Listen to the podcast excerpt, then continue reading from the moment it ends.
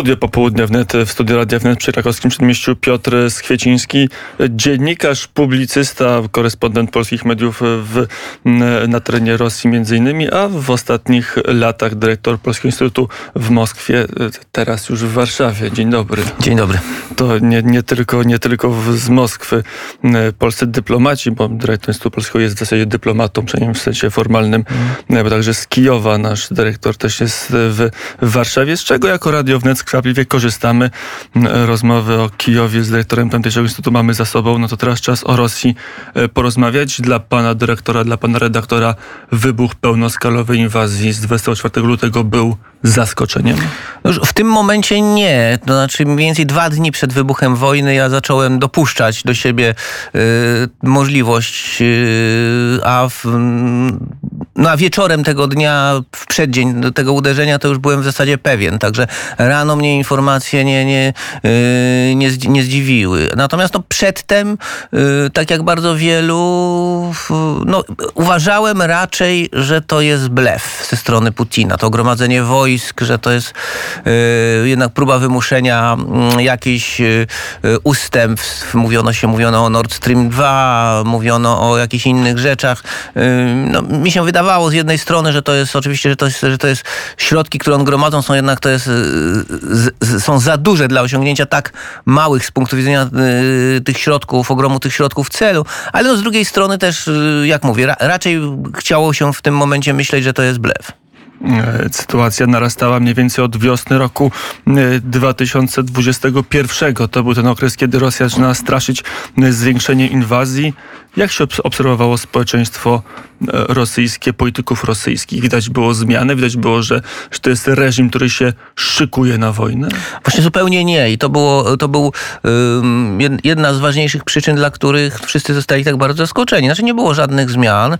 Um, propaganda. Przede wszystkim nie było żadnego zwiększenia propagandy antyukraińskiej. Znaczy, oczywiście elementy antyukraińskie w tej propagandzie były, ale były tak jak zawsze były. Znaczy, nie było żadnego zwiększenia, żadnej intensyfikacji tego.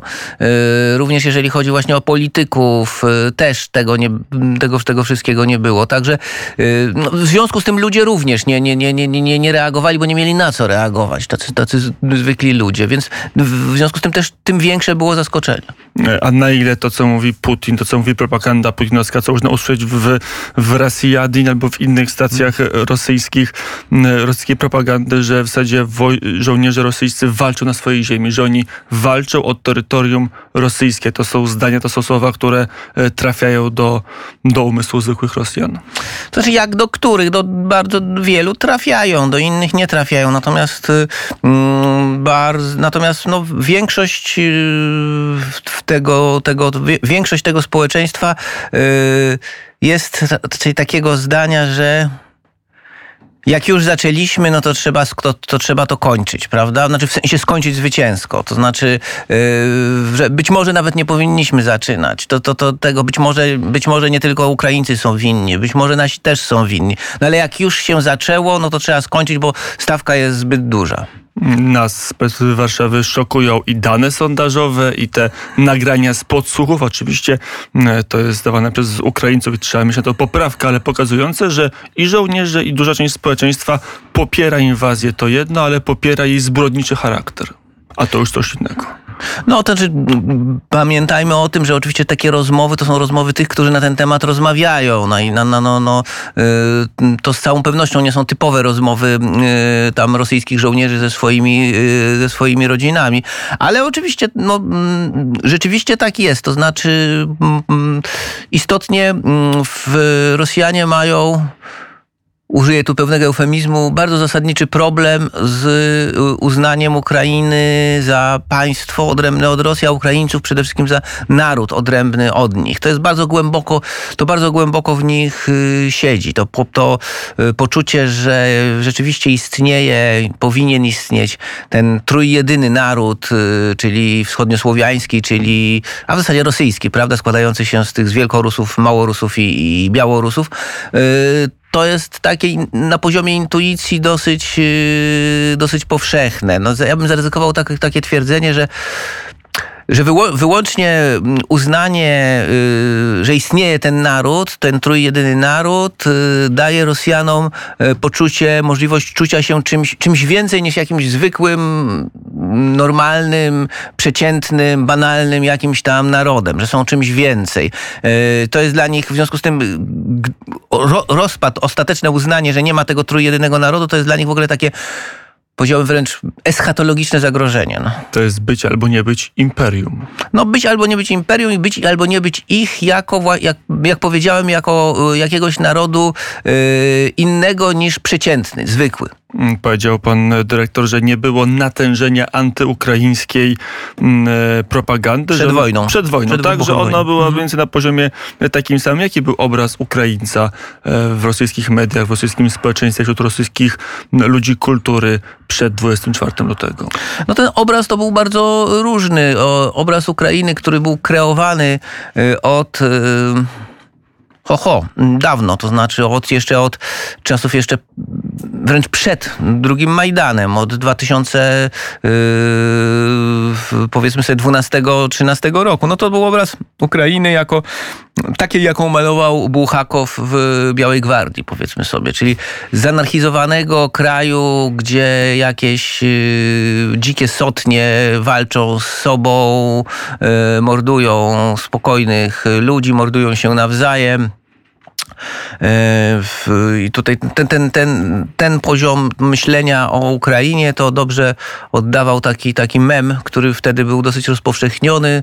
E, To był jakiś plakat z- II wojny światowej, ale do tego także coś tam, tekst był Ukrainy spokojnie, e, Krasnaja Armia przyjdiot, pariadok na wiedziot, czyli przyjdzie, przyjdzie Armia Czerwona i zaprowadzi porządek, prawda? No i wielu w to wierzyło, wielu w to wierzyło yy, i do teraz. Yy, I przy czym tutaj dość harmonijnie nakładają się dwa obrazy, nakładały się na siebie dwa obrazy Ukraińców, mianowicie obraz yy, właśnie mm, nazisty i banderowca, to jest ten obraz, który w tej, w tej chwili jest dominujący, jest y, y, bardzo mocno eksploatowany przez y, wszelką propagandę, propagandę rosyjską, z obrazem właśnie tego Ukraińca, który w zasadzie jest pozytywny, tylko czeka, tylko bez, bezradny, bo rządzi nim kokainista Zieleński i otoczony przez nazistów i amerykańskich agentów, no i ale ten Ukrainiec dobry, tylko czeka na mm, wyzwolenie, prawda?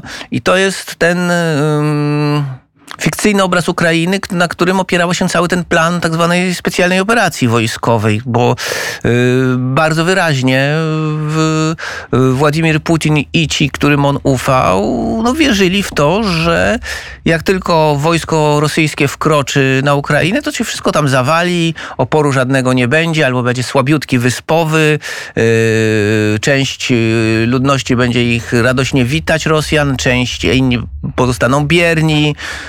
Y, I oni naprawdę wierzyli. No i tym, tym większe przeżyli y, rozczarowanie. E, Żyjemy, w, jak mówią prawie wszyscy eksperci, to w Davos, czy ostatnio w Warszawie na dość ciekawej konferencji m, przez Polski Instytut Spraw Międzynarodowych zorganizowanej Strategic Arc, że żyjemy w chwili przełomu. Takie chwile zawsze pozwalają nam, czy nawet e, nas skłaniają do daleko idących wniosków. Jednym z nich jest to, że e, Rosja cofa się do epoki sprzed Piotra I, że Rosja uznała, że już nie chce być częścią Zachodu, że e, musi się od Zachodu oddzielić. To prawdziwa teza. Takie głosy w Rosji są bardzo częste mm, w tej chwili, włącznie właśnie z tym, że, że trzeba zakwe- zakwestionować Piotra, to znaczy zakwestionować cały ten e, okcydentalistyczny zwrot Rosji, ten zwrot Rosji na zachód, właśnie kojarzony z e, imieniem Piotra, mm, e, Piotra Wielkiego, czyli że jak to ktoś tam określił, że w zasadzie powinniśmy zacząć myśleć i reagować jak jakieś cerkiewni diacy e, e, ery cara e, Aleksego Michajłowicza, czyli, czyli ten, który panował w Rosji wtedy mniej więcej, kiedy u nas był potop, prawda? To jest ten właściwy model, właściwy model rosyjskości, y, który jest y, zalecany, a wszystko, co było później, no to już są jakieś y, błędy, prawda? Błędy, mm, błędy wypaczenia.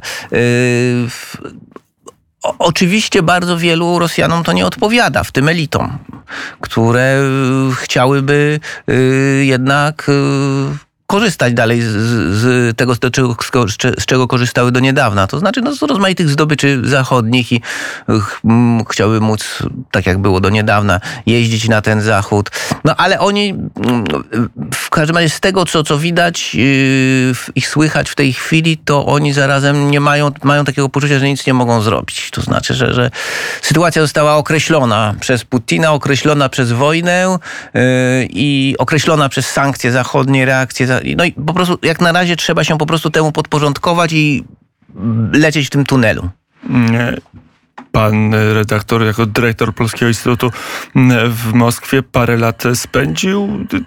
Czuć było w Moskwie wśród tych elit polityczno kulturowych taki, taki zachwyt tym, że można być nie Zachodem, że można być e, Rosją, ba, można taką Rosją średniowieczną, Rosją, która jest samodzielną cywilizacją, Rosją, która nie musi się uczyć języka angielskiego, francuskiego, bo język rosyjski jest samowystarczalny sam w sobie i tak dalej, i tak dalej. Raczej nie. To znaczy raczej w, w to, co jeżeli się, jak się obcowało z y, rosyjskimi ludźmi kultury, to raczej oni demonstrowali, moim zdaniem byli rzeczywiście nastawienia y, prozachodniego. Y, w, oczywiście takie głosy, o jakich pan powiedział, Oczywiście one też były i one były również przed wojną i to jest, yy, yy, można by tu przywołać Aleksandra Dugina chociażby, yy, albo pisarza Zachara Prilepina, y, innych, y, ale to przed wojną to był dyskurs wybitnie mniejszościowy. Znaczy to, to, to y, większość bynajmniej tak nie, większość bynajmniej tak nie uważała, a oni sami ci tak uważający sami siebie określali właśnie jako mniejszość, uważali są mniejszością zaszczutą przez y, y, rządzącą de facto Rosją, Rosją spisek i kliki liberałów. Ba, oni i teraz potrafią tak pisać. Oni dalej uważają, że to, co się stało, to jest w ogóle naskórkowe. Władze, powinna być przeprowadzona narodowa rewolucja, władze zwlekają z tym, nie są w tym konsekwentne. Y, w każdej chwili grozi, że nastąpi odwrót, y, że znowuż nas y, sprzedadzą Zachodowi, tak jak w 2014 roku. Przecież trzeba było zrobić to, co się robi teraz, trzeba, trzeba było zrobić w 2014 roku, a wtedy zastopowano ruską wiosnę tak zwaną, sprzedano rosyjskojęzycznych mieszkańców Ukrainy. Y, ograniczono się tam tylko do tego Krymu, a później do, do, do Doniecka i, y, i Ługańska. I teraz no, grozi mm, recydywa, grozi recydywa z tego horroru. Mm, rok 2014 to jest też dla wielu taka cezura, kiedy Putin postanowił, że wywróci stolik. W tekstach, w tekstach autorów rosyjskich, liberalnych, w polskich tekstach powstających przed inwazją, przed 24 lutego, to właśnie rok 14 takim momentem, kiedy, kiedy Putin wywraca stolik, kiedy Putin uznaje, że, że już nie chce iść z Zachodem, że chce iść w, w kontrze do Zachodu. To był rok 2014? On na pewno był ważny, ale pro, ten proces trwał od dawna. No, takim milowym krokiem na tym tutaj była to przemówienie monachijskie Putina w 2007 roku. Yy, to była yy, kwestia przyjęcia bądź nieprzyjęcia Gruzji i Ukrainy do NATO na szczycie bukaresztańskim w 2008 roku. Wtedy zresztą Putin po raz pierwszy, znaczy w każdym razie zarejestrowany sposób, po raz pierwszy zaczął Y, mówić półpublicznie o tym, że Ukraina to nie państwo, to tylko terytorium, to wtedy przecież on y, proponować miał y, Donaldowi Tuskowi, żeby sobie Polska zajęła Lwów i nie tylko mm, Putin Tuskowi, ale mm, iluś tam rosyjskich wysokiej rangi polityków. Miało wtedy jakieś podobnego rodzaju teksty czy aluzje rzucało pod adresem jakichś rozmaitych, y, rozmaitych swoich polskich rozmówców. Y, no wtedy to się moim zdaniem, y, moim zdaniem, moim zdaniem zaczynało. 2013-14 rok, no to jest już jest ten moment, kiedy 2013 mm, rok zwłaszcza, kiedy to było już widać bardzo wyraźnie, że jeżeli chodzi o Ukrainę, Rosja wcale nie chce petryfikacji stanu dotychczasowego. Znaczy się tym nie będzie kontentować. To znaczy, że y, utrzymanie y, Ukrainy jako y, jakiegoś takiego buforu, jakiegoś takiego państwa pomiędzy, pomiędzy Zachodem a Rosją, to już nie jest dla Rosji yy, cel. Rosja chce tę Ukrainę yy, co najmniej bardzo mocno z sobą związać. Znaczy ma być, nie, ona ma nie być neutralna, ona ma być nasza. Yy, to już w 2013 roku, w czasie tych rozmów o między o stowarzyszenie Ukrainy z Unią Europejską było widać, było widać, było widać bardzo wyraźnie. No. Jak dużo jest w stanie wytrzymać rosyjskie społeczeństwo Moskwy i Petersburga? Dane z wczoraj to nas dotarły. Okres już, już po inwazji wpływy VAT-u do rosyjskiego budżetu to jest jedna trzecia rok do roku porównywanie. Zapaść gospodarcza. Jak dużo Rosjanie są w stanie wytrzymać? Ja myślę, że Rosjanie są w stanie pod tym względem wytrzymać dużo. E, bardzo dużo, natomiast na pewno nie są, natomiast sądzę, że nie są w stanie wytrzymać klęski wojskowo-wojennej. E, dopiero, e, dopiero klęska wojenna, taka, której już nie, da, nie dałoby rady przypudrować, yy, mogłaby moim zdaniem tutaj coś zmienić, bo, bo, bo to jest taki naród. To znaczy oni, yy, oni tym się odróżniają od wszystkich innych yy, narodów y, bia, mm, białego człowieka, że y, potęga własnego państwa i to, że ono wywołuje strach przed, wśród innych, to jest bardzo dużo i za to, jak im władza to daje Rosjanom, to Rosjanie tej władzy bardzo wiele wybaczą. Poza tym. Ale jak władza przestanie spełniać ten swój ten obowiązek, to w tym momencie spada z niej ta charyzma, spada z niej ta, ta, ta aureola i wtedy już dużo może się zacząć dziać. Czyli nie sankcje bezpośrednio, ale tylko sankcje jako podkopanie potęgi militarnej i klęska tej potęgi na tak, bitwy. Ja uważam, że oczywiście, że sankcje są bardzo słuszne, właśnie w, ale właśnie w tym sensie, że y, krótko mówiąc zabierają Rosji pieniądze potrzebne do, y, na wojnę, a już zwłaszcza na y, ewentualne rozwinięcie tej wojny w, w, na innych kierunkach. Ale i to w tym sensie to jest bardzo słuszne i ważne, natomiast one nie doprowadzą do y, rewolty y, ludności. Natomiast y, klęska wojenna to mogłaby być jakościowa zmiana, game changer tak zwany. Jak to jest słowo popularne w polskim języku dziennikarskim, zwłaszcza za sprawą jednego dziennikarza. Jeszcze zanim do Polski przejdziemy, do relacji polsko-rosyjskiej, czyli obrazie Polski w, w rosyjskim społeczeństwie, jedno pytanie e, newsowe. Dzisiaj Kissinger, kilka dni temu Berlusconi, e, tezy oddajmy kawałek Ukrainy w zamian za pokój. Jak to skomentować? No to nie jest nic, co by dziwiło, bo, bo Kissinger mówił takie rzeczy yy, właściwie zawsze. Berlusconi, yy, Berlusconi również. To właśnie dla mnie byłoby yy, nowością, gdyby on powiedział coś, yy, coś innego. Yy, no, ta teza Kissingera, to on, to, on jest on też nie, nie, nie sprecyzował, chyba celowo nie sprecyzował, bo nie jest jasne, czy to, co, co to miałoby znaczyć? To miałoby oznaczyć y, powrót do sytuacji, y, do linii frontu z, y, sprzed inwazji, czy też ta Ukraina miałaby więcej jeszcze oddać. Natomiast no, wydaje mi się, że to jest w tym momencie nierealne, bo nastroje społeczeństwa ukraińskiego na to nie pozwolą. No ale przede wszystkim wydaje się, że Amerykanie są zdeterminowani, żeby a, a tę wojnę kontynuować. Mógłby to, bo to jest, to, to było to mm. mojego pytania, czy Putin Putin mógłby to sprzedać, mówiąc w cudzysłowie, Rosjanom jako sukces. Patrzcie, macie Hersoń. Odbiłem dla was Hersoń. Cieszcie się. No, czy no, teoretycznie tak. To znaczy, to jest takie minimum czegoś, co można, co można byłoby yy, udawać, że jest sukcesem. To znaczy, zajęcie całego, całych y, tych yy, prowincji, obwodów Donieckiego i Ługańskiego, yy, korytarz na, na, na, na, na, na Krym, i, a jeszcze jakby Hersoń, no to to jest już w ogóle, w ogóle, w ogóle w tym momencie to jest, to jest bardzo dużo. I to, to, to nie jest nowość. To znaczy o tym, że, że komunikaty tego rodzaju do rozmaitych tak zwanych umiarkowanych na Zachodzie są wysyłane, to już od paru tygodni była taka informacja, że pozwólcie nam wziąć to, zakończmy tę wojnę, to nam pozwoli wyjść z twarzą. E, reżim Władimira Putina może przetrwać? Reżim Władimira Putina jak najbardziej może przetrwać, aczkolwiek no, pamiętajmy o tym, że Władimir Putin będzie miał 70 lat za chwilę i y, nie jest człowiekiem zdrowym. W związku z tym też nie wiadomo. Ale skąd to wiemy? Bo to y, ja słyszę historię o tym, że, y, że Putin choruje od 10 lat.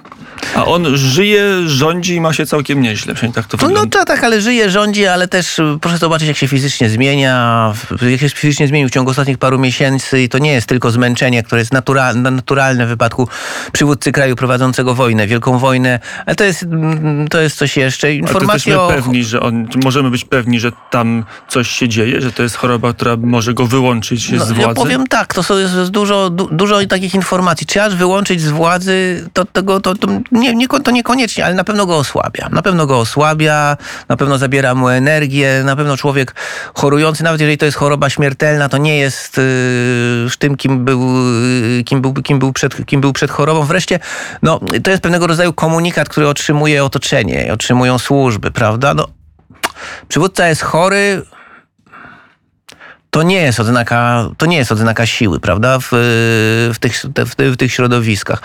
E, Ale powiedziawszy to wszystko, powiem też tak, no, no, no, no, rosyjska elita władzy jest niesłychanie hermetyczna E, i e, nie będę, nie poważę się tutaj sugerować, że, że nie wiem, że ktoś zrobi tam w tej chwili spisek i będzie Putina obalał. No, tym bardziej, że nie ma w tej chwili, jak mi się wydaje, takiego ostatecznego powodu, żeby to zrobić. Znaczy, jesz, jeszcze w tym momencie to nie jest tak, żeby oni mogli powiedzieć, ci ludzie władzy yy, na Kremlu, że Putin prowadzi nas w przepaść. I musimy się ratować. Yy, A, a tylko w takim wypadku bym w jakiś taki przewrót, yy, przewrót pałacowy wierzył. Putin przez ten okres sprawowania swojej władzy skoncentrował ją bardzo. To znaczy on, zaczynając od pozycji takiego bardziej pierwszego wśród równych, stał się ostatnio no już takim prawdziwym wodzem, prawdziwym carem, prawda? No obalenie kogoś takiego jest ciężkie. Mm, Albo i niemożliwe. Też jedno pytanie mi trochę po czasie, ale muszę je zadać, bo jestem ciekawy odpowiedzi. E, Na ile jest tak, że te sankcje personalne, bo to jednak był system kleptokratyczny, jednak był system mafijny, to byli ludzie, którzy się dorobili olbrzymich majątków i z nich korzystali nie tylko e, w zimnej Rosji, ale w gorących krajach Europy Zachodniej i na południu. Teraz to im odcięto. Jak oni się z tym będą czuć? Czy to nie jest taki element, który powiedział, no to już jest za dużo, my chcemy na nasze jachty i wyspy wrócić? No, bardzo źle się z tym czu- będą czuć i bardzo źle się z tym czują, ale to jest y, mm, lepiej się tak, z ich punktu widzenia, lepiej się czuć w tym momencie y, źle, ale za to y, Ale nie stracić wszystkiego, prawda? A o, oni się mają takie, takie poczucie, że, że Zachód chce im zabrać wszystko, prawda? Znaczy, że to, to nie jest wybór pomiędzy tym, że, że, że, że sobie tutaj możemy sobie powalczyć o to, że, że jak żeby było jak, jak, jak, jak wcześniej, tylko że y, celem Zachodu jest po prostu nas y, zniszczyć. No więc w tym momencie już lepiej się pogodzić y, z Putinem, lepiej się pogodzić z tym, że nie mogę wyjeżdżać, z tym, że nie mam tych jachtów, niż zdecydować się na, nie wiem, na, na to, żeby na drodze wielkiego własnego ryzyka zbudować rzeczywistość, w której nagle się mogę znaleźć w więzieniu, prawda? A to jest nieprzyjemne. I wielu oligarchów już to trenowało, a potem z więzienia był często kierunek w jedną stronę, jeszcze mniej ciekawiał. Godzina 17, dwie minuty, czas e, kończyć pierwszą godzinę popołudnia wnet. Piotr Skieciński był gościem Radia Wnet. Dziękuję bardzo. Ja również dziękuję.